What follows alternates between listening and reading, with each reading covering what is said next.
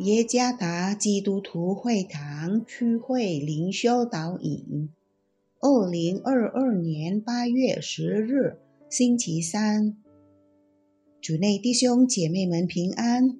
今天的灵修导引，我们要借着圣经以赛亚书四十七章第十到十五节，以及罗马书第八章二十八节来思想今天的主题。预测未来，作者彭志堂牧师。以赛亚书四十七章第十到十五节：你素来以仗自己的恶行，说无人看见我；你的智慧聪明使你偏邪，并且你心里说唯有我，除我以外再没有别的。因此。祸患要临到你身，你不知何时发现，何时发现，或作如何驱逐。灾害落在你身上，你也不能除掉。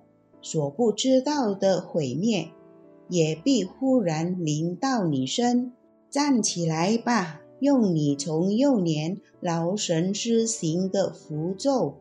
和你许多的邪术，或者可得益处，或者可得强盛。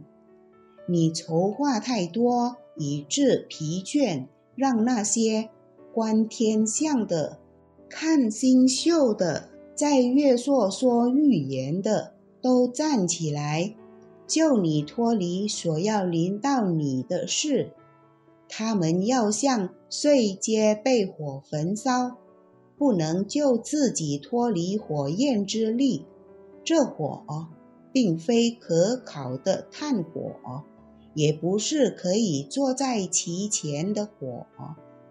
你所劳神的事，都要这样与你无益。从幼年与你贸易的，也都各奔各乡，无人救你。罗马书第八章二十八节，我们晓得万事都互相效力，叫爱神的人得益处，就是按他旨意被召的人。当在山口洋探访时，有一位母亲向我说起她女儿所遭遇的事。不久之前，他们去拜访算命先生。却伤心地回家了。这位算命先生说，他女儿的家庭将发生严重的事情。如果继续下去的话，那么她的家中将有血光之灾。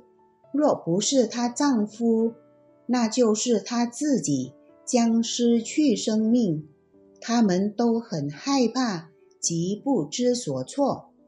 拜访算命先生，并不能减轻问题，反而加重了他们的家庭问题。今天的灵修经文论到有关巴比伦王国的灭亡。之前，巴比伦被主使用来惩罚爱叛逆的以色列民，但当惩罚以色列时，他们太过分，及毫无怜悯的心。来对待以色列民，他们因所拥有的权利而变得傲慢自大，因此主转回重新爱他的子民，并惩罚巴比伦。主向依赖看星宿或占星术的巴比伦统治者挑战。主把算命的人比作像被火焚烧的碎秸，将立即消失。他们无法从主的惩罚中拯救巴比伦。算命的行径是一个尚未认识主的民族的行径。上帝严禁以色列人这样行。同样的，我们相信主的人也被禁止去算命。信徒的生命和未来都在主的手中。我们的主是一位良善的上帝，他叫相信他的人得益处。罗马书第八章二十八节，主所怀的意念是赐平安的意念，不是降灾祸的意念，要叫你们幕后有指望。参看耶利米书二十九章十一节。你是否曾经去算命？凡是主的儿女都不应该去算命。因为我们已蒙救赎，属于主。每一位去算命的信徒，都意味着是自愿的向算命先生背后的邪灵降服，因此邪灵有权干预决定那人的命运和未来，这是非常愚蠢的行为。后来。